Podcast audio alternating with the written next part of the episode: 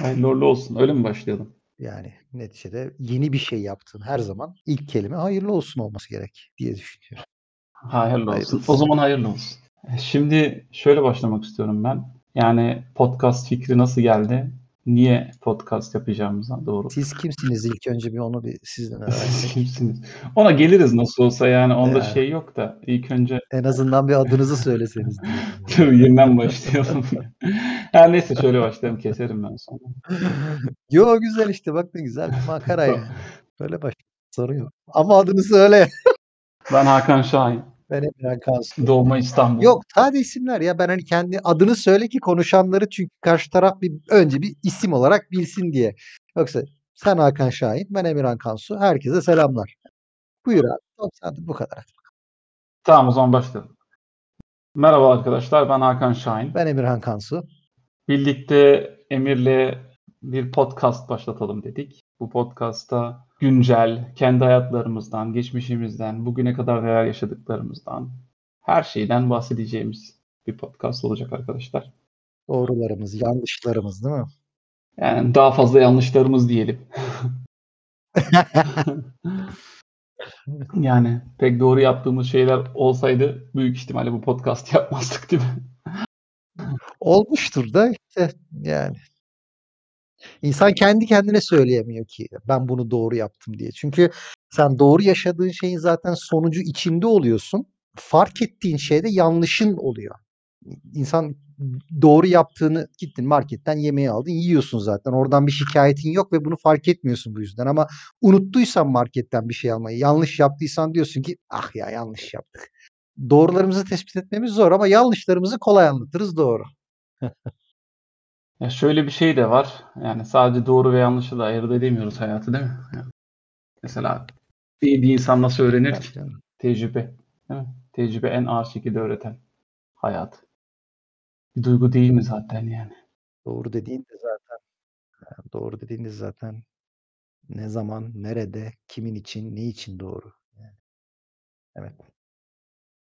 Öncelikle şöyle başlayalım dedik. Bir iki seri büyük ihtimalle birkaç seri sürecektir. Yani Emir'in hayatından biraz paylaşalım dedik başta. Sonra bana geçeceğiz. Ben nasıl? İkimizin de farklı olduğu şu yön var. Emir e, Türkiye'de doğma büyüme. Almanya'ya geldiği. Yıl galiba 2017 değil mi? 17 olması. 17 Haziran'a. 17 Haziran. E, Ben de e, doğma İstanbul olsa bile 9 ay sonra en kısacası Almanya'da büyüyüp Almanya'da her şeyi yapmış bir insan olarak. Yani iki çeşitli dünyanın birbirleriyle nasıl çarpıştığı ve farklı yönlü bir millet içinden gelen iki farklı büyüme şeklinde nasıl bir sonuç geldiğine doğru. Ve aslında biraz da ve aslında biraz da tesadüfen e, son yıllarda özellikle Türkiye'de maalesef diyeceğim Almanya şöyle diyen çok öven var. Almanya böyle diyen çok kötüleyen var ve bir yandan burada da bilinmezlik üstünden dönen büyük bir hercümerç var, tartışma var. İşte o ona laf atıyor, o ona sataşıyor. Halbuki kimsenin aslında çok bir şey bildiği de yok. Büyük bir tesadüf sayesinde aslında bu konulara da değinme şansı olan bir ikili olmuş olduk. Belki bilmeden çok kişiye ha demek ki bu da böyleymiş hmm, dedirtecek şeyler de ortaya çıkarabiliriz. Bakalım. Tabii yani şöyle bir cümle var ya hani zaten son yıllarda dolaşıyor işte bu hani Almanya'dan gelen izin yapanlar Türkiye'de ya işte tuzunuz kuru diyorlar. Almanlar da işte Al- Almancılar daha doğrusu Türkiye'de Tabii tabii. İki taraf da birbirine öyle diyor. İki taraf da Türkiye'dekiler Almanlara, Almancılara siz rahatsınız. Onlar da öbürüne işte Türkiye'cilerine. iki tarafta ben "Aa, ben senden daha kötüyüm, sen benden daha iyisin. Böyle garip bir yarış içindeyiz. Enteresan. Yani bir de şöyle bir şey var demek istediğim aslında şuydu. Türkiye'de yaşayan bir insanın işte buraya bakıp tabii her şey olduğunu gördüğü yerde e, benimsiyor. Daha çok hani bu tarafa doğru batıya doğru bakıyor. Tabii hiçbir zaman doğuya bakmadığımız için zaten. Bir de Almancı da tabii Türkiye'ye geldiğinde şöyle bir cümleyi kuruyor ya hani işte biz gurbetteyiz, biz çok çile çekiyoruz falan. Almanya bitti lafı falan yani Avrupa bitti lafı. Bunları da büyük ihtimalle bu podcast'ta biraz daha yani kendi hayatımızdan paylaşarak biraz bir nevi Evet. yani işin gerçeğini daha yani günlük hayattan yansıtabiliriz belki diye düşünüyorum. Tabii yani iyi fikir. Zaten başladığımız yerde bunlarla başlarız. Önce kendimizi tanıtır ve işte bu zaten yaşadığımızdan bahsedeceğimiz zaman bunlarla başlarız ama umarım yani 3 yayın, 5 yayın izleyen, dinleyen faydalı olur da daha da ileride abidik gubidik hiç akla gelmeyecek çok başka şeyleri konuşurken de kendimizi buluruz dilerim. Gençlerin yani böyle şeylere çok ilgi gösterdiği yıllardayız zaten. Yani baktığınız zaman Türkiye'de mesela internet kullanıcısı yani çok yüksek bir seviyede halkın oranına baktığında Avrupa'da böyle bir oran yok yani Avrupa'daki insanlar bu kadar interneti kullanmıyor. Hı doğru, doğru. O yüzden Doğru. bir nevi yani bu podcast'ı zaten biz kendi milletimiz için yapıyoruz biraz da yani yoksa bu podcast Almanca olurdu. Yani mantıklı. Şöyle başlayalım bence. Emirhan Kemal Kansoy'du değil mi? Tam ismim budur. Bir de göbek adım var Doğan Sela ama çok önemli değil. Vallahi ben zaten bu biliyorsun bu konu hakkında da konuşalım bir ara. Doğan Sela. İsim bizimkilere isim fazla gelmiş. Bol bol vermişler abi. Yani konuşmuştuk zaten de. Yani bu iki isim. Mesela ben sadece Hakan Şahin değil mi? Yani sadece iki isim var ve yani biliyorsun benim fikrim bu konuda. Yani iki isim bence Tertemiz. okey- okeydir. Yeter yani. Ya işte her türlü çoklu isim örnekleri var. Brezilyalılardan tut Türklerde evet bizdeki şeye kadar. Bu biraz da hani aman dedenin de ismini verelim, anneannenin de ismini verelim. Onun da işte soyu kırılmasın, bunun da sülalesi üzülmesin. O yüzden bazen de bu yüzden çoğalıyor. Hani bir ego gösteriş gibi isimlendirme varsa da bazen de hatır, rica, kalp kırma, politika bunlar. Bizimki herhalde ondan Kemal çünkü dedemin adıymış falan filan. Neyse uzun hikaye. Orası boş ver önemli değil. Evet yani Emirhan Kemal Kansu. Kemal güzel isim var. Şey var İspanya'da bunu da vereyim de. İspanya'da bir hakem vardı ben. izlerdim İspanya Ligi'nin zamanında tabii Barcelona Real Madrid maçlarında. Yani bir hakem vardı. Hernandez Hernandez adamın adı. yani o, o- oradan bir, bir kere yetmemiş. Yetmemiş abi. Ahmet, Ahmet, Mehmet, Mehmet. Her neyse başlayalım. Biraz kendinden bahset. Nerede büyüdün? Nerelerden geldin? Buralara nasıl geldin? Anlat, anlatayım. Şimdi hikayeyi çok uzun tutmak değil. Aslında dediğim gibi yayın sayısı arttıkça belki de hiç hatıralardan bahsederken gireceğimiz yerlere girmeyi düşünmüyorum. 42 yaşındayım. 1980'de İstanbul'da doğdum. Doğum yerim Fatih. İlkokulu Levent'te okudum. Ortaokul ve liseyi Vefa Anadolu Lisesi'nde okudum. Endüstri mühendisliği bitirdim. Sonra yıllar yıllar sonra da gittim üstüne MBA de yaptım. Beşiktaş taraftarıyım. Futbolda Beşiktaş'tan başka çok bir şey de izliyorum diyemem. Mesela ilgi alanım o kadar da merakım, o kadar da şeyim yok. Aslında baktığında bu kadar ha. Ama hikayelerin birine girmek lazım mesela. Hani Almanya'ya nasıl geldiğime mi girmem lazım tam da bilmiyorum. Bence oradan başlayalım. Zaten genelde mesela CV'lerde öyle şeylerde güncelde şirketlerle temasa geçtiğimizde ya da portfolyo gösterişlerinde genelde güncel şeylerden geriye gidilir. Bence daha mantıklı. E, sonuçta nasıl olsa geriye gitmek hep e, daha uzun süren bir şey değil mi? O yüzden güncelden gitsek geri daha güzel. Mesela 2010 Emirhan Hikaye Kemal Kansu Almanya'ya nasıl 2005'e vardı? dayanıyor. 2017 tabii ki bu işin sonuçlanması. 2017'de artık kaderin ağlarını örüp bahtımın açık olduğu bir anın gerçekleşmesi. Orası bir dönüm noktası ama o kavşağa nasıl geldim? Evet, evet. Yani Şanslı hissediyorsun yani söyleyeyim kendini. kendimi şanslı hissediyorum. Buraya gelmiş olmaktan ötürü hiçbir pişmanlığım yok. Tabii 36 yaşındaydım geldiğimde. Bunun önemi var zannediyorum. Çünkü ben artık ne istediğimi, neyden keyif aldığımı, neyden keyif almadığımı, ne tip bir sokak hayatı, ev hayatı, iş hayatı, trafik hayatı ya trafik bile hayatımızın bir parçası. Ne yaşamak istediğimi artık çok kafamda netleşmişti. O yüzden buraya geldiğimde şunu buldum, şunu bulmadım, ne arıyorum, bu, burada kaybolmadım. Geriye dönüp bakmadım da. Kimisi işte kafasını geldikten sonra Sıla'ya, hasrete, memlekete, işte orada yediği yemeklere, dinlediği müziklere, ailesiyle geçirdiği vakite falan kafayı geri sarabilir. Öyle biri olmadığım için de geri de sarmadım kafayı. Buraya geldiğim için o yüzden memnunum, mutluyum. Pişman değilim. Buradan bir kere başlayayım. Nasıl geldim? Çok da geriye mi gitmek lazım? Yok o kadar geriye gitmeyeyim. Meslek hayatımdan başlayayım. Daha meslek hayatımdan da gerisine git. Üniversite bitti aynen. değil mi? Oradan Endüstri başlayayım mühendisliği demiştin. Endüstri mühendisliğinden öncesine gitmeyeyim de oradan endüstri mühendisliğinden başlayayım. Şimdi endüstri mühendisi oldum. Çıktım iş arıyorum. Kafamda o dönemde benim bir Almanya'ya gelme hayali var mıydı? Yoktu. Buradan başlamam, bu bilgiden başlamam belki önemli. Neden yoktu mesela? Ya arkadaşlarım aslında bayağı o dönem dahi onların arasında bayağı popülerdi. Erasmus'a gidenler o zamanlar bile vardı. Bak benim 2003 mezun olduğum sene.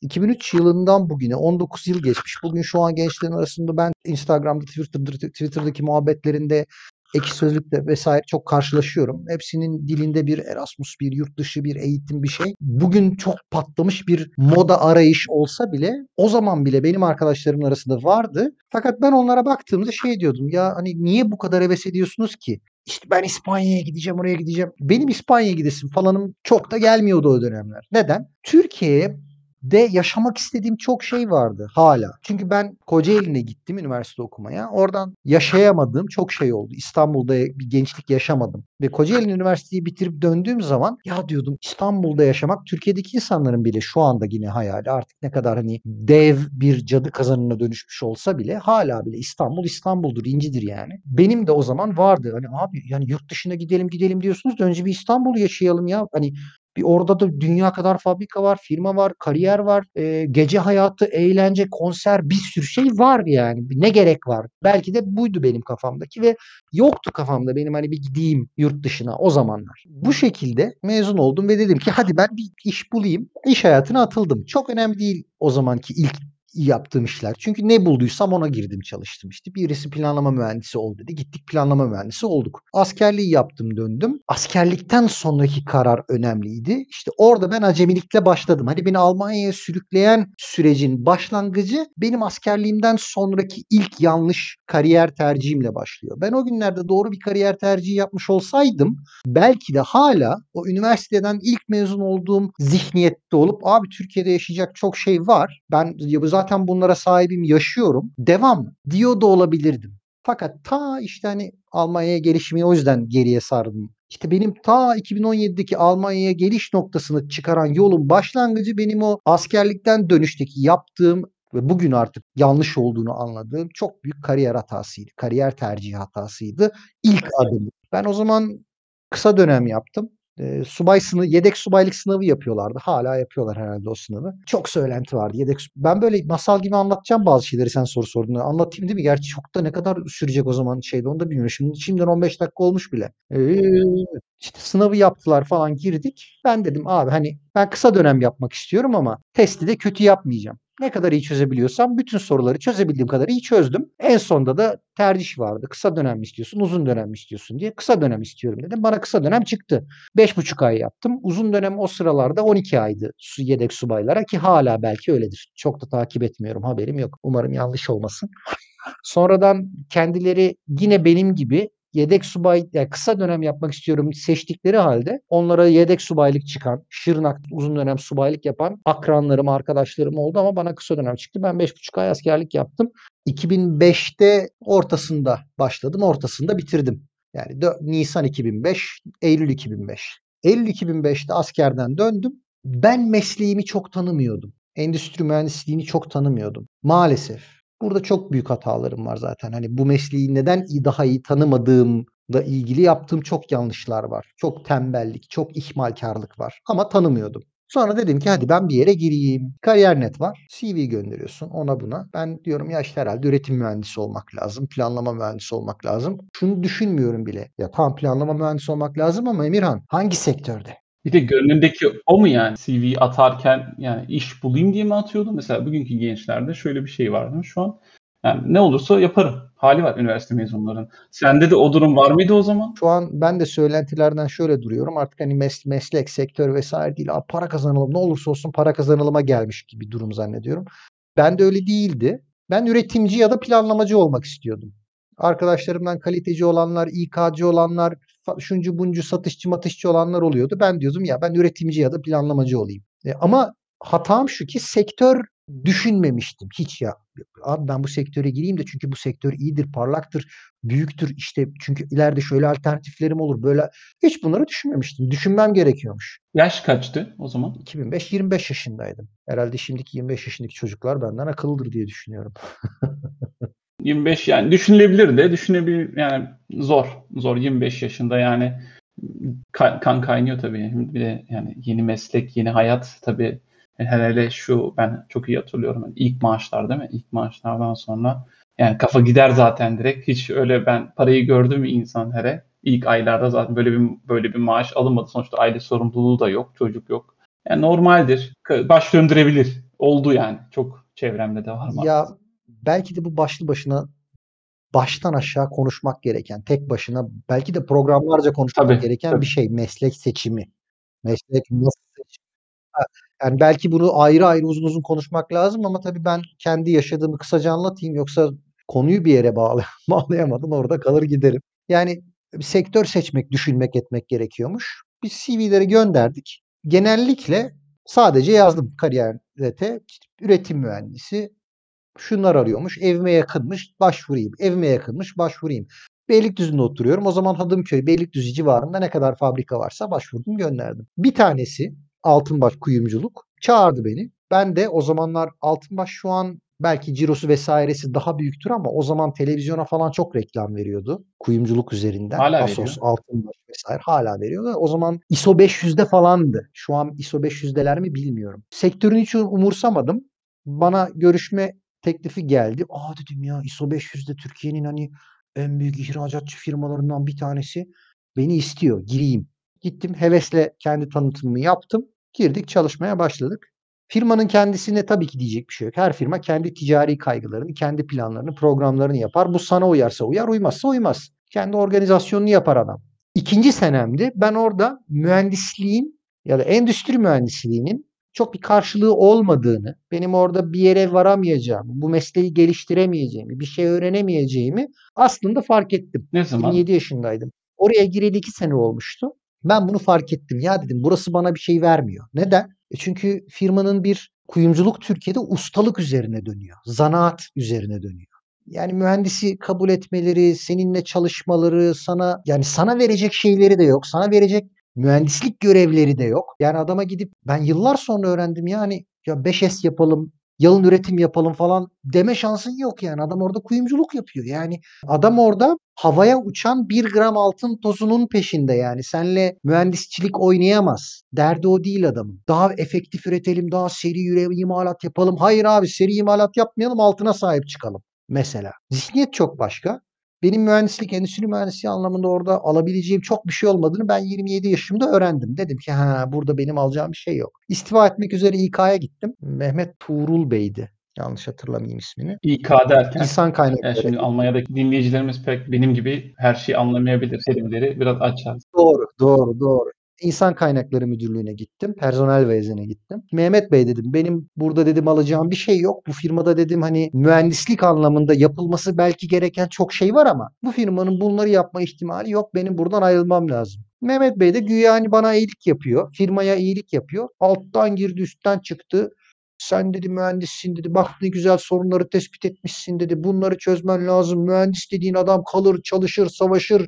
İşte yıkar geçer, düzeltir. İşte madem yanlış var sen düzelteceksin. Kim düzeltecek? Pırıl pırıl gençlerimiz falan verdi bana gazı. Tamam dedim ya kalıyorum ben. Haydi bakalım. Orada o gazla ben tuttum gittim fabrika müdürüne. Burada bu işler, bu işler, bu yanlışlar var. Buraya ERP kurmamız lazım. Buraya ISO belgesi almamız lazım. Reorg yapmamız lazım. Fabrika müdürü de baktı, baktı. Çok iyi bir adamdır. Dünya iyisi bir adamdır. Gördü ki hani bende bir heves var. Adam bana şey diyemez hani Emirhan burada bunlar olmaz kardeşim sen bakma bu İK'cının verdiği gaza sen çık diyemez. Ben projeyle gelmişim çünkü. Peki dedi tamam hadi bana yaptığın sunumu dedi İmam Altınbaş'ı çağıralım. İmam Altınbaş'a da yap dedi. Kabul ederse senin bu projelerinin peşine düşelim. Ama bunu bana niye diyor? Biliyor o firmada bunlar yapılmayacak. Beni oyalıyor. Kal diye. Hay Allah. Kalayım diye. Velhasıl Var öyle şeyler. var var. Bu, burada var maalesef böyle şeyler. Mesela gençlerimize de şey bu bir örnek tecrübe olsun. Hani şirketlerde böyle insanlar var maalesef. Yolunuzu yani Sizi idare eden. kapatıyor demeyelim de İdare eden. yani kapatıyor demeyelim de sizi seviyorlar. Yani sizin için en iyi olanı değil de onlar için Aynen. en iyi olan e, yani burada kalmanız sizi sevdikleri için, burada gördükleri için yani her gün sizinle selamlaşmayı sevebilirler. Ya da sizinle konuşmayı, sohbet etmeyi 15 dakika kahve bile olsa yani eng- engel demeyelim de adamlar da sizi sevdiği için yapıyorlar. Bunu kötü niyetle değil sonuçta. Ama bu da sizi mesela işte gördüğünüz gibi yani zamanınızı hayattan çalabiliyor. Gerçekten öyle. Ben tabii yıllar sonra anlıyorum. Meğer Hüseyin Bey beni pışpışlıyormuş aslında.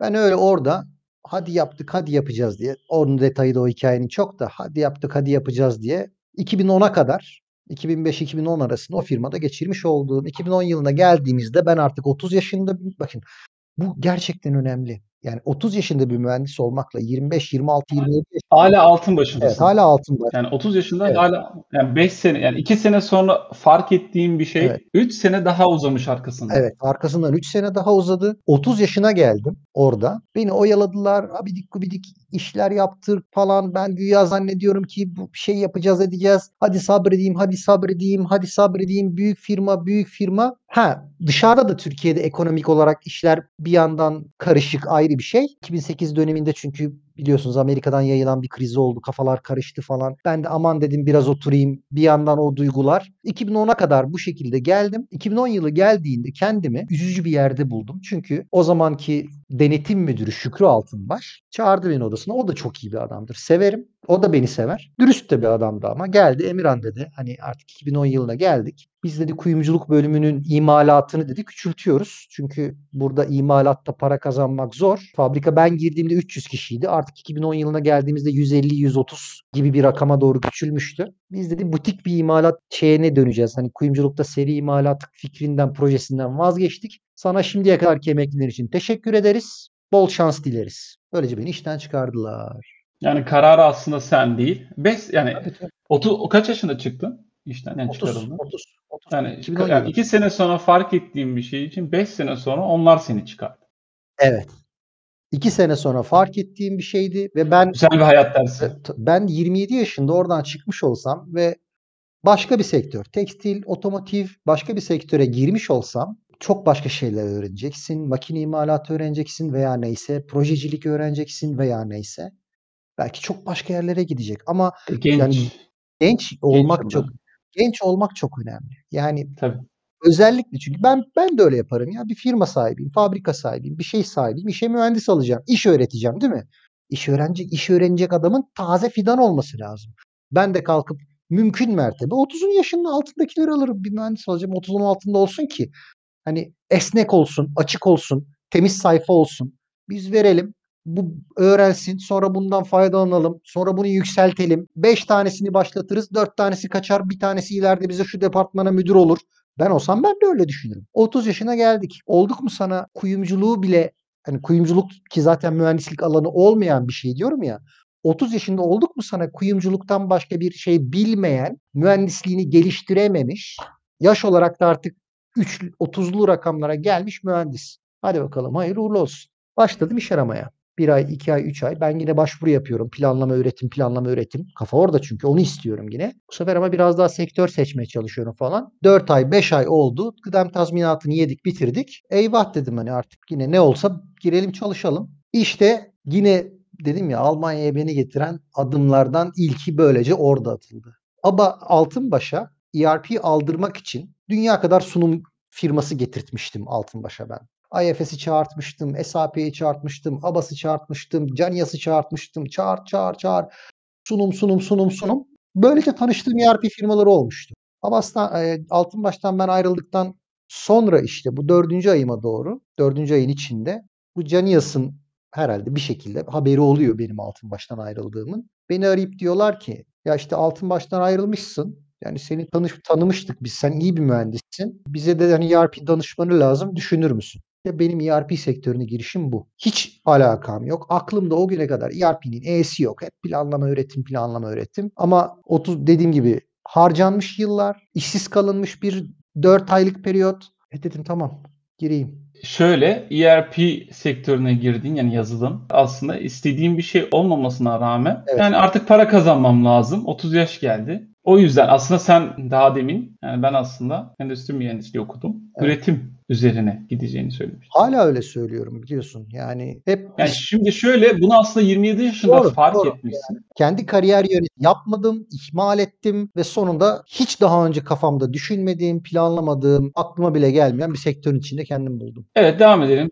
Firmanın kendisi IAS Software. Almanya'da da bir merkezleri var. Almanya'da da hatta satışları var ama bir Mittelstandik'lerde arasında bile hani çok yaygın değiller Almanya'da. Türkiye'de esas büyük pazarları zaten Türk yazılımı kurucuları Ali Karabiber zaten galiba ilk Almanya'da geliyor SAP'de çalışıyor. Bundan 40 yıl evvel falan. Sonra O hikaye. he, o hikaye. Sonra diyor ki ya bu işi biz de yaparız diyor. Almanya'da başlıyor. Sonra o diyor ki ha bunu ben Almanya'da yaptım ama Türkiye'de yapayım. Türkiye'de bu işi iyi patlatırız diyor. Türkiye'ye gidiyor falan ve patlatıyor. Öyle Caniyas'a girdim. ERP dünyasında böylece adım atmış oldum. İşte benim Almanya'ya gelişimin ilk çünkü ben de Almanya'ya ERP yüzünden geldim. ERP olmasa beni Almanya'da kimse Emirhan gelsin de bizde çalışsın. Yoktu böyle bir şey. Niye yani? Benim bile başvurdum. ERP ne tam olarak? ERP'nin tam açılışı Enterprise Resource Planning. Requirement değil, Resource Planning. Yani Yani bunu niye altın başa mesela aldırmak istedin? Ne yapacaktın bununla altın başa? şimdi bir firmayı yönetmek çok farklı şekillerde mümkün. Kara düzen mümkün. Adamlarla kara düzen dediğim şey nedir? Sözlü yönetim. Birisi gelir sana bunu yaptım der sen de inanırsın. Bir sonraki aşama kağıt üstündeki işte raporlamadır. Bir sonraki aşama Excel'le falanla filanla raporlamadır. Firma bilgiyle yönetilir. Bir firma bilgiyle yönetilir ve sen o bilgiyi ne kadar efektif toplarsan, ne kadar zamanında, ne kadar doğru, ne kadar tutarlı toplarsan önünü görürsün, geçmişini görürsün. Ona göre dersin ki ben buraya doğru gideceğim, gidemiyorum. Ha bak problemlerim buralarda, buralarda falan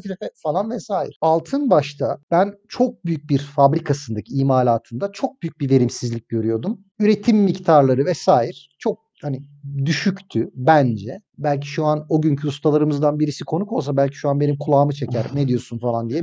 O ayrı bir şey. Ama mühendis gözüyle bakmak başka, zanaat gözüyle bakmak başka. Bu benim kendi görüşüm. Bu senin fikrin. Saygı duymak lazım. Ve diyordum ki yani burada imalatta birileri bir şeyler yapıyor. Muhasebede birileri bir şeyler yapıyor. Satışta birileri bir şeyler yapıyor. Darmadağınık, birbirine entegre olmamış departmanlar. ERP ne demek? Bu departmanların hepsi aynı veri tabanında çalışsın ki. Ya başka çok faydaları var da ben en en en yalın faydasını söylüyorum. Yoksa ERP'nin başka faydaları var da en yalın faydası budur. Bir firmanın farklı organları aynı veri tabanında çalışır. O aynı veri tabanı birbirini tetikleyerek iş üretir. Böylece kimse kafasına göre ya da dağınık, güvensiz, geçmişte işte eksik ya da yanlış, yalan veri üretemez. Yönetici de geldiği zaman tuşa basar en kötüsünden şunu görür. Ha, ben bu ay bu kadar kilo imalat yapmışım. O gördüğü veri de en azından zamanlı doğru bir veridir.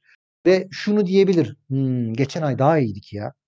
Bir sorun var. Gel bakayım Emirhan. Ya sorun ne kardeşim? Git bir araştır bana söyle diyebilir. Yani işin en en en temeli budur. ERP'nin başka çok faydaları da var da en temel faydası ERP'nin güvenilir, doğru, zamanında veri üretmek, veri saklamak ve bunlar sayesinde senin şirketin röntgenini çekebilmendir. Ona göre de karar vermek. Ona göre de karar verirsin, yol çizersin. Fikrin dersin ki buraya yani doğru. Ölçüp karar verme mekanizmasını sağlayan bir yazılım. Aynen. Senin ölçmeni ve sağlıklı karar üretmeni sağlayan bir yazılımdır yani. Şimdi işte ben de böylece ERP sektörüne girmiş oldum. Caniyas'la başladık. Şimdi o aradan Almanya'ya kadar gelecek gel, şey yapacağım kısmı hızlı hızlı geçebilirim ama Caniyas'ta iki yıl çalıştım. Yine yanlış bir karar verdim. Çünkü iki yıldan sonra çok hızlıca çok affedersiniz bir tarafım kalktı. o dedim ben bu iş. Çünkü işin oradaki dan her, her yerdeki danışmanlık böyle değildir ama oradaki danışmanlıkta kod da yazdırıyorlardı bize. Ben çok hızlı Genelde öyledir ama ya. Genelde öyledir. Yani junior consulting'de kodu öğretirler artık.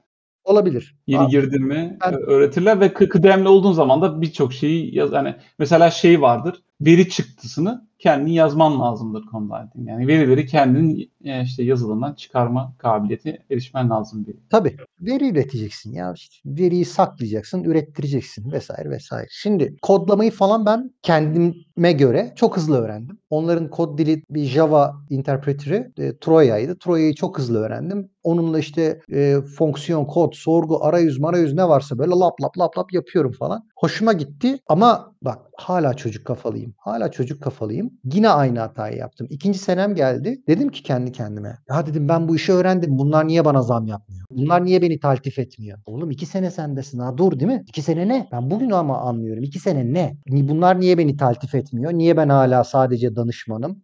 Niye işte kıdemli danışman demiyorlar bana? Niye işte beni e, zam vermiyorlar falan filan? Hmm, ben gidip Microsoft Dynamics'te çalışırsam, SAP'de çalışırsam daha çok para kazanırım. İleride daha çok para kazanırım. Hmm, falan kurtlar kurtlar kurtlar. Yaş kaç? Gittim 32 ama Şimdi 32'de bir dakika 32'de şu an yani 27 yaşında olan fikir şuydu. Yani ben üretim üstünde yapmak istiyorum. 32 yaşında fikir para kazanmaya dönmüş. döndü. Evet döndü. Bunu niye söylüyorum? Çünkü bu normal bir şey. Yaş ilerledikçe artık kariyerden çok e, paraya bakalım. Niye? Çünkü yani bu doğru bir şey olmasına e, gerek yok ama yani sonuçta bir aile kurulacak. Bir e, yaşam yani ilerle, ilerliyor yaş. Bunların hepsinin zamanı var. Ve bazı şeylerde maddiyat da oluyor maalesef. Evet evet. Ve hani altın başta beni gerçekten çok ucuza çalıştırmışlardı. Öyle çok birikim birikim falan bir şey yapamamıştım. O yüzden para kazanma hırsım bayağı yukarıdaydı yani. Yine de ben 32 yaşındaki birine göre maalesef çok sabırsız, çok geç olgunlaşmış falan bir pozisyondaymışım ki 2 yılda bu işin hemen katlayacağını falan zannediyormuşum. Gittim o zamanki danışmanlık bölüm müdürüne. Ben dedim iş arayacağım. İşte niye arayacaksın? Böyle böyle böyle. O da yine beni ikna etmeye çalıştı. Bak Emirhan hani buraya yeni girdin. Yani sabırlı ol. Bak burada senin o kazanacağını zannettiğin parayı kazanan adamlar var. Sen de kazanırsın merak etme. Ama biraz sabretmen lazım falan. Dil döktü kadın. Yani zam mı istedin ya, ya da direkt ben başka iş mi arayacağım dedin? Ben başka iş arayacağım çünkü ileride böyle böyle paralar kazanmak istiyorum dedim. O ondan sonra bunları söyledi. Yani senin dedi o kazanmak istediğin işte SAP'de orada burada kazanmak istediğin paraları burada kazanırsın. Merak etme demeye çalıştı. Niye direkt zam istemedin? Yani mesela diyelim ki atıyorum %30 fazla istiyorsan Niye direkt %30 istemedin? Direkt zam istemedim çünkü kafamda bir unsur Vermeyecek. ya kafamda bir ka- kafamda bir unsur yok. Vermeyecekleri değil. Yani e, belki onu çok tartmadım. Çünkü kafamda bir unsur fazla para kazanmaktı tamam. Bir unsur da hani madem ben bu sektöre girdim. Bak iki senede işi de öğrendim. Yani niye bu sektörün Mercedes'inde çalışmayayım? Ha, sen zaten gitmeyi kafaya koymuşsun Mercedes'e yani SAP ya da şey. Yani yani madem ben Türkiye'de danışmanım, madem buradan iyi para kazanmak istiyorum, yani o zaman bu işin Mercedes'inde çalışayım falan dedim kendime. Biraz da arkadaş gazına geldim. Hep o kötü arkadaşlar yok mu? Ya bir tabii biraz da arkadaş gazına geldim. Oğlum o firmada ne işin var? Şu firmaya git bak burada öyle böyle falan filan. Biraz da arkadaş gazına geldim. Bana Microsoft Dynamics'ten bir teklif geldi. O dedim güzel Microsoft bak iyi. Dynamics'ten partnerden girerim. Partnerden başlarım. Yıllar geçer çalışırım. Sonra işte hatta headquarter'a geçerim falan. Hayaller hayaller. Nasıl geldi teklif? Arkadaşım vardı Microsoft'un headquarter'ında çalışan. Ona söylemiştim ben Microsoft ya da SAP düşünebilirim vesaire diye. O da partnerlerden birisiyle, partnerlerinden birisiyle konuşurken söylemiş. Adamın haberi olunca aa işte biri lazım, bize lazım. Madem hani arkadaşın arıyor görüştür bizi. Hep hep network'le ya baktığın zaman. Hep işler network'te oluyor yani bugüne kadar. Hani başvuruyla girdiğim firma benim bugüne kadar bir tek Altınbaş. Bunun dışındaki her şey network. Birisiyle konuşmuşum. Birisi birine bir şey demiş. Onun haberi olmuş. Gel bizde çalış. Hep böyle yani. Bu da aslında bir yandan bu da aslında bir yandan kariyerimi ne kadar yönetmediğimi gösteriyor ha. Bak bayağı bildiğin kariyerimi Evet, yönetmemişim. evet, evet. Akışına bırak. Türkiye'de zaten böyle şeyler çok yani. Ona haber vermişim. O ona söylemiş. Ondan haber gelmiş. Çalışırım. O birini tanıyor. Aa onu kardeşim. Aa iyi abi güzel olur falan diye denemişiz yani. O birini tanıyor. Onun kardeşi. Bana bu Microsoft Dynamics'teki teklif geldiği zaman yine yanlış bir tercihti. Evet. Onun da detayı var. Orada 6 ay çalışabildim. Niye tercih ettin Microsoft Dynamics'i? Mesela para açısından çok bir fark var mıydı? %50 gibi bir ekstra kazandım. Ha tabii. O zaman istersem başka bir şirkette olsaymış. Yani sa- sırf isim için mi yoksa parada var mıydı işin içinde? Ya para da vardı yani. Canias'ta kazandığımdan %50 gibi daha fazla bir maaşa anlaşmıştım. Ama göz önüne almadığım başka bir faktör vardı. O da şu. Ben o zaman ailemle yaşıyordum. Beylikdüzü'nde firma koz yatağındaydı. Kendime demiştim ki ben hani bir iki ay buraya Beylikdüzü'nden gider gelirim. Sonra koz yatağında ev tutarım. Hani gider oradan çalışırım falan. Fakat kazın ayağı öyle olmadı. Ev tutamadım. Beylikdüzü'nden gidip gelmek koz yatağına akıl alacak bir iş değil. Belki şu an Marmaray'la falan daha kolay da o zamanki yıllarda ne metrobüs var ne başka bir şey yani. Bir dakika metrobüs var mıydı? Metrobüs vardı galiba doğru. 2014-2015 benim bu dediğim dönem. Bir dakika yok hayır. 2012-2013 benim bu dediğim dönem galiba metrobüs. Metrobüs vardı vardı. Çünkü şeyi hatırlıyorum. Karşı tarafta köprünün üstündeki durak neyse oradan inip oradan otobüsle koz yatağına gittiğimi bir noktadan sonra herhalde onu kullanmıştım. Baştan beri var mıydı bilmiyorum da bir, sü- bir metrobüs kullandığım gibi bir şey var aklımda ama yani büyük perişanlıktı. Hani iki buçuk saat, üç saate yakın gidişim yine iki buçuk, üç saate yakın dönüşüm sürüyordu falan. 4-5 ayın sonunda patronla oturduk. Abi dedim ben burada şu an dedim sıfır üretkenlikteyim. Dedim ben senin yerinde olsam beni çalıştırmam dedim. Durdu durdu. Bak adama böyle dedim ya. Bunun durduracak kadar salak adam da var mıdır? O da ayrı bir şey abi dedim. Ben senin yerinde olsam beni çalıştırmam dedim. O zaman dedi yol yakınken yolları ayıralım Emirhan ya. Teşekkür ederim dedi. Adam beni işten çıkardı. Yine döndüm eve oturuyorum. Ondan sonra yine hayal ediyorum. Niye ev tutamadın? Maddi durum el vermedi. Yani ne kadar adam bana %50 artış yapmış olsa da geçmişimden birikim yapabilmişliğim olmadığı için gidip orada ev, düzen falan vesaire kuramadım. Pahalı da geldi biraz. Kurabilirdim belki hani daha pendiktir, odur budur daha ucuz yerler belki bulabilirdim koz yatağına gidecek ama el vermedi şartlar yani. Çevren de sonuçta orada değil. Cesaret de var değil mi? İlk ev sonuçta. Cesaret de var. İlk ev. Hiç daha önce kendi evini kurmamışsın falan. İlk ev zordur. Ev kurmak dediği sadece evi kiralamak değil. Tabii. Halısından dolabı bir dünya bir dünya masraf. Aile durumumuz çok biraz karışık falan. Yapamadım. Ev kuramadım. Kuramayınca da iş patladı. Sonra yine Allah'ım ya ne kadar uzadı. Ben bir Almanya'ya gelişi anlatacağız. Lafa bak nereden nereye girdi. Normal bir, bir saat yaparız ya 15 dakikamız daha var. Şimdi yaş oldu. Microsoft Dynamics'ten çıkıyoruz. Yaş oldu kaç? Yaş oldu 33. Yani bir sene kalmışsın Microsoft Dynamics. 6 ay kaldım ya 6 ay. 6 ay. Çalışamadım yani dedim ya hani 4-5 ay çalıştım gittim adama abi dedim böyle böyle. Dur dedi o zaman 6 ay olmadan çıkaralım bari seni de hani biz dedi zarar görmeyelim yasal olarak. tamam dedim abi yasal olarak zarar görmeyin. Ee, yo bir dakika pardon 6 ayda mı işsizlik maaşı alacak şekilde çıkar. Neyse hatırlamıyorum. O çok detay önemli değil. Kısa bir süreydi yani. Ondan sonra Kısa bir, kısa bir süreydi. Çıktım yine döndüm eve. Bu sefer ama şansım yaver gitti. İşten çıktığımın ikinci, üçüncü haftasıydı. Hayatımda sonradan yine kaybettiğime en pişman olduğum ikinci. Bak birisi Caniyas'taki hareketimdir. Yani Altınbaşı kaybettiğime pişman değilim. Zaten oradan erken çıkmadığıma pişmanım. Caniyas'ta daha fazla kalmalıydım. Gerek yoktu hiç böyle sağa sola zıplamama. Zaten firma Türkiye ölçülerine göre büyük firma IT işi yapıyor falan. Yani bir şey olurdun orada da. Partnerleri var. Belki bugün partner firması kurardın. Partner ağ kurmaya çalışıyorlardı. Ona mesela pişmanım. E yine ikinci pişmanlığım. Şimdi işte bu şu an anlatacağım. Nitto Bento. 2013 Eylül evdeyim. Telefon çaldı. Ev telefonu çaldı. Kariyer.net'te bilmem ne zamanlardan yaptığım başvurulardan bir tanesini sevgili Halil Cüre hala beni arar sorar sağ olsun çok iyi bir adam. Kulakları çınlasın. Telefonu tanıştık. Merhaba ben Halil Cüre. Nitto Bento Bento Bantçılık. O zaman Nitto değil daha. Bento Bantçılık İnsan Kaynakları Müdürüyüm. Emirhan Kansu ile mi görüşüyorum? Dedim benim. Biz de üretim mühendisi arıyoruz. Çalışmak ister misin? Dönüyoruz üretime. Dönüyoruz üretime tekrar. Allah dedim ya nasıl istemem ya üretim ya koş dedim ya koş. Gittim Bento Bantçılık kendisi de yine Türkiye'nin çok eski firmalarından çok eski patronlarından birisinin firmalarından bir tanesi. Astel Bantçılık, Cam Bebe falan oralara dayanıyor kökeni. Yapışkan bantlar üretiyor. Koli bantları, bebek bezi bantları, işte PVC bantları, koruyucu bantlar falan vesaire bir sürü bant üretiyorlar. Ee, böylece 2013 yılının Eylül'ü, Ekim'i herhalde o tarihlerde bir yerde ben o firmada Halil Bey vasıtasıyla sağ olsun işe girdim başladım. İşe girdiğimde Mahmut Yıldız ve ben iki üretim şefiydik ama Mahmut Yıldız oranın çok eski çalışanıydı. Ben şeyi tahmin ettim. Ha dedim tamam bunlar Mahmut'u yükseltecekler. Beni ona bağlayacaklar. Zaten o yüzden herhalde altına kadro kurmak için alıyorlar falan. Tahmin ettim onu. Öyle de oldu. 3 ay sonra Mahmut Yıldız üretim müdürü yaptılar. Anıl Kekevi diye yine kulakları için nasıl çok sevdiğim bir arkadaş işe aldılar. İkimizi Anıl'la beni üretim şefi yaptılar. Anıl'a koruyucu bantlar dediğimiz bantlar. Daha doğrusu solvent bantlar dediğimiz işte bir 5-6 departmanı bağladılar. Bana da yine hijyenik bantlar dedikleri bir 5 5 departmanı da bana bağladılar.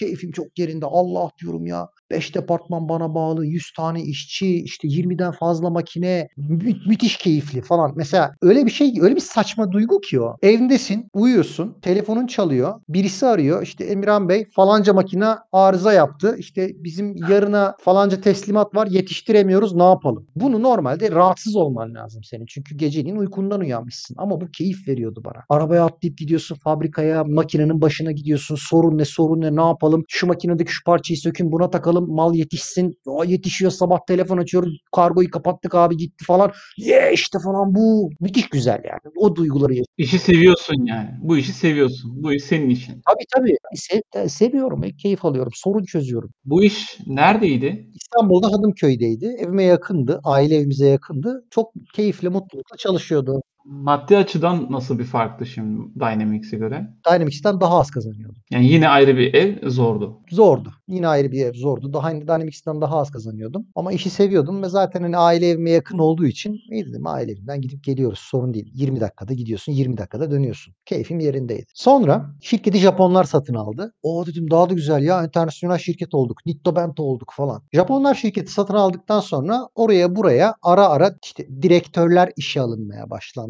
Üretime de bir tane operasyon direktörü işe alındı. Ama tabii ilk alındığında adama operasyon direktörü demediler. Adını anmak istemiyorum. Çünkü ben hani eee, dinliyorsa buradan. Şimdi ARGE direktörü, ARGE müdürü olarak işe alındı. O zaman hijyen bantlar benim yönettiğim katta bir tane ARGE laboratuvarı vardı. Alt katta da kalite laboratuvarı vardı. ARGE laboratuvarını buna tahsis ettiler. Başladı orada çalışmaya. Çalışmaya dediğim ben üretimin içinde koşturuyorum. Görüyorum bu masasında uyuyor falan. Vardır öyle uyuyanları. Ben yani Her şirkette var uyuyanlar. Tabii. Böyle masada uyuyor böyle içi geçiyor. Ben görüyorum öyle o bant bölümünden bu bant bölümüne koşarken. Ama ne zaman ki böyle bir haftalık aylık toplantı yapılıyor. Şov yapıyor. Konuşuyor. Ona laf atıyor. Buna laf atıyor vesaire. Bir konu vardı. Proje bendeki bir proje. Satın alma planlamaya soruyor. Diyor ki ya diyor bak bana diyor bu kadar bant üreteceğim diyorsun. Bu kadar yapışkan al diyorsun. Ben bunları bunları alıyorum. Her seferinde gelip ayın 10, 20'si olmadan bana bir o kadar daha sipariş veriyorsun. Burada bir sorun var. Sen ya sen söylediğin kadar harcamıyorsun ya üretim söylediği kadar harcamıyor falan diye bir konu çıktı. Ben bunu başladım, araştırdım, tespit ettim vesaire. Aa dedim şundanmış, bundanmış. Üretim toplantılarından bir tanesi, daha doğrusu genel toplantılardan bir tanesinde durumu anlatıyorum. İşte makinelere şöyle ayar yapılmış da böyle oluyor da biz tespit ettik de şimdi şu önlemleri alacağız. Oraya dijital tartı koyacağız, buraya dijital bilmem ne yapacağız. Orada otomatik e, hortum, burada basınç sistemi falan anlatıyorum. Şunları yapacağız. Bu işi çözeceğiz. Örnek olay olarak anlatıyorum. Buna benzer çok şey oluyor arkadaşlar aramızda. Bana kalktı şey dedi. Emirhan dedi ya sen neden bahsettiğinin ne fark neden konuştuğunu farkında mısın diyor. E, farkındayım diyorum. Ya işte anlatıyorum diyorum. Bu kadar ton yapışkan bugüne kadar harcanmış, ziyan olmuş, çöpe gitmiş. Sen ne yaptığının farkında mısın? Masaya vura vura falan. Ya dedim sen kimsin? Kime soruyorsun dedim. Arge müdürüsün sen. Hayırdır dedim. Proje benim. Ben zaten önlemlerin farkındayım. Bak almışım. Önlemi de devreye sokuyorum. Şu tarihte şunu bu tarihte bunu yapacağım demişim. Bunu buradan buraya al, alacağım demişim. Ne soruyorsun? Ayrıca sana ne dedim yani. Fabrika müdürü burada. Sana dedim ne? Bu onunla yaşadığımız çok büyük tartışma. Yani benim yaşadığım en büyük gerginliklerden biriydi. Ben orada adama büyük nefret duydum. Sen tut. Ben buna benzer şeyleri bu arkadaşla yaşıyorum yaşıyorum. 3 ay sonra adamı operasyon direktörü yap benim üstüme koy. Hayırlı uğurlu olsun. Mesaj net. Mesaj net. Fabrika müdürü geldi adam operasyon direktörü yaptı üstümüze koydu. Bu şimdi benim üstüme Artık sana ne diyemezsin yani. Tabii diyemezsin. Bu şimdi benim üstüme geliyor. Ben onun rampasına yapıyorum. Bu benim üstüme geliyor. Ben onunla didişiyorum falan. Böyle böyle böyle böyle bir gün. Pazar günü dedi sayıma geleceksin dedi. Dedim gelmiyorum. Benim dedim pazar günü sayıma gelmek bir vazifem yok. Git dedim lojistik departmanını götür saysınlar. Bana ne dedim. Ha öyle mi öyle. Böyle mi şöyle mi öyle mi böyle. Geliyor musun gelmiyor musun? Geleceksin gelmiyorum. Peki dedi git pazartesi günü insan kaynaklarının ilişini kestir.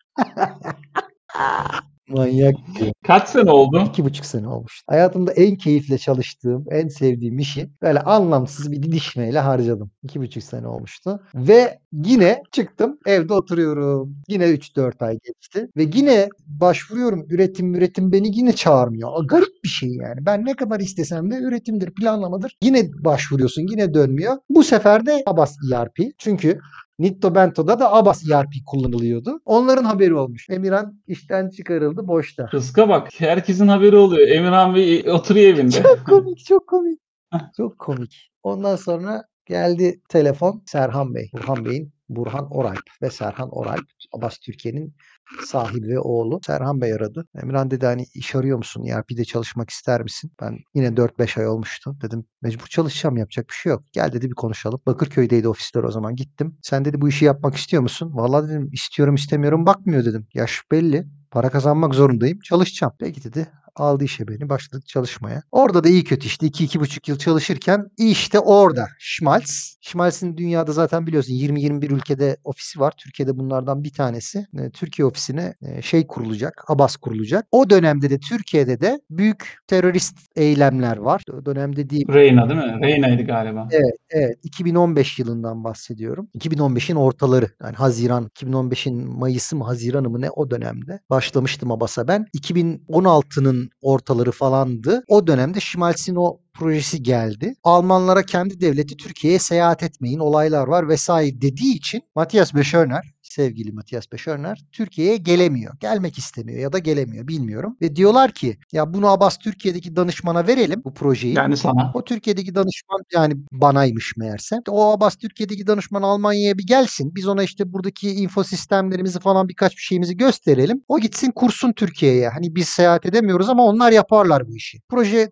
Abbas Türkiye'ye geliyor. Abbas Türkiye'de beni seçiyor danışman olarak. Emirhan işte sen bu işi yapar mısın? E peki yaparım. Hani yabancı dili her danışmanın da yabancı dili yok. Benim İngilizcem çok iyi o zaman. Peki yaparım. Tamam ayarlanıyorum ayarlanıyor. Ben buraya Schmalz'in Glaten fabrikasına geliyorum. Bana eğitim veriliyor bir hafta. Dönüyorum. Abbas'ı Schmalz Türkiye'nin Tuzla'daki firmasına kuruyorum. Eğitimlerini veriyorum. Düzenlemeler falan vesaire. Proje bitiyor. Ama o projenin ortalarındayken benim akılda işte orada o ampul yanıyor. O zamana kadar yani 2016'nın o Schmalz projesini gelene kadar bak buraya kadar bende şey yok. Almanya'ya gideyim, Almanya'ya gideyim, Avrupa'ya gideyim. Avrupa bu yok yani. Hala ben çünkü şey niye olsun ki abi? Niye olsun? ben niye olsun yani ben endüstri mühendisiyim. MBA yapmışım orada anlatmadan geçtim abi. Orada MBA yapmışım. Yani kendim şey olarak görüyorum. Hala ben bir firmaya girip üretimden bir yerden girip onun genel müdürü ben olurum diyorum. Yani yabancı dilim var. Ben niye yani? İşlerde ayağına geliyor zaten yani gördüğüm kadarıyla. Bahtım da kötü değil. Bir şeyler de oluyor falan. Hala da orada Almanya Almanya kafamda yok. Ama o Schmalz projesi geliyor ya. Ben de bir ampul yanıyor orada. Ulan diyorum ben bu Türkiye'de hani uğraştım uğraştım uğraştım. Olmadı. Kafayı oraya sokuyorum patlıyor. Buraya sokuyorum patlıyor. Bir şey çıkıyor. Bir şey yapamıyorum. De Almanya'ya gideyim şansımı deneyeyim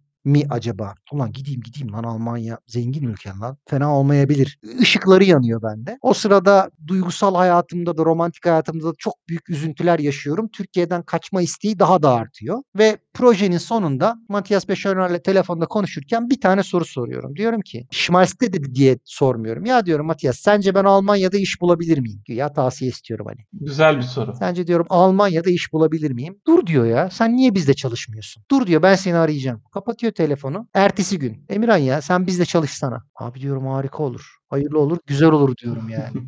Yine ayağına gelmiş. Yani bir, bir Evet. soru sordun. Adam neredeyse seni futbolcular var ya böyle hani özel uçakla geliyorlar. neredeyse Almanya'ya özel uçakla getirecekler.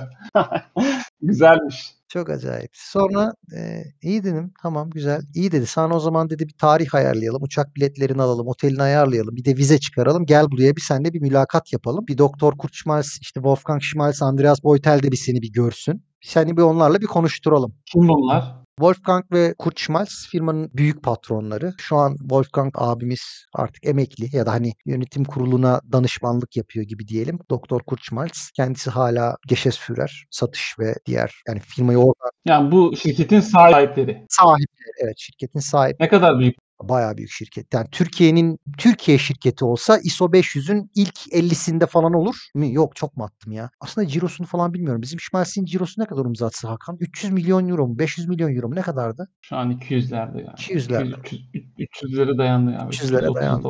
Yani bu rakam Türkiye için bayağı büyük bir rakam. Hani bir çalışan sayısı olarak e, dünya çapındaki 20 tane yerleşke 3 fabrikada toplam 1700-1800 çalışanları var diye biliyorum. Büyük bir firma. Vaxtum da var yani her sene de yine büyümeye de devam eden bir firma. Kendilerine maşallah diyoruz, başarılar diliyoruz. Gel dedi seni Thomas Renner, Matthias Beschörner.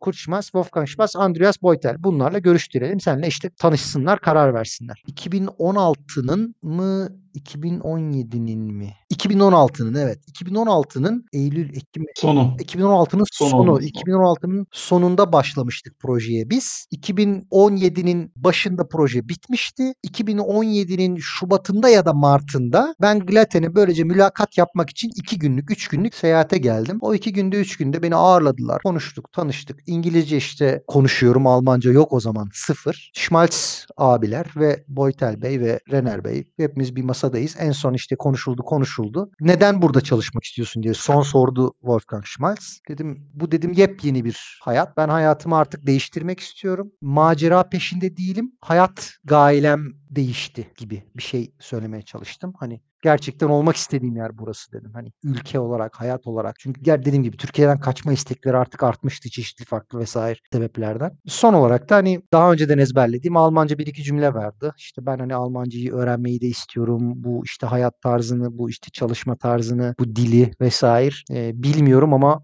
buna da hazırım gibi önceden ezberlediğim bir Almanca cümle vardı. Onu da söyledim falan. Herhalde hoşlarına gitti ki sonra beni orada işe almaya karar verdiler. Kontratımızı da yaptık ve böylece 1 Temmuz'da 1 Temmuz 2017'de işbaşı yapmak üzere oradan ayrıldım ve Türkiye'ye döndüm. İşte benim Schmalz Almanya'da işe başlama hikayem budur. Yani hani bu hikayeyi şu kadar anlatacak olabilirsin. Ya işte Abbas'ta çalışıyordum. Proje geldi. Tanıştık geldim. Ama ben Abbas'ta niye çalışıyordum kardeşim? Yani ben onu istemiyordum bile. Ben Abbas'ta çalışmayı istemiyordum bile. Bir soruyla.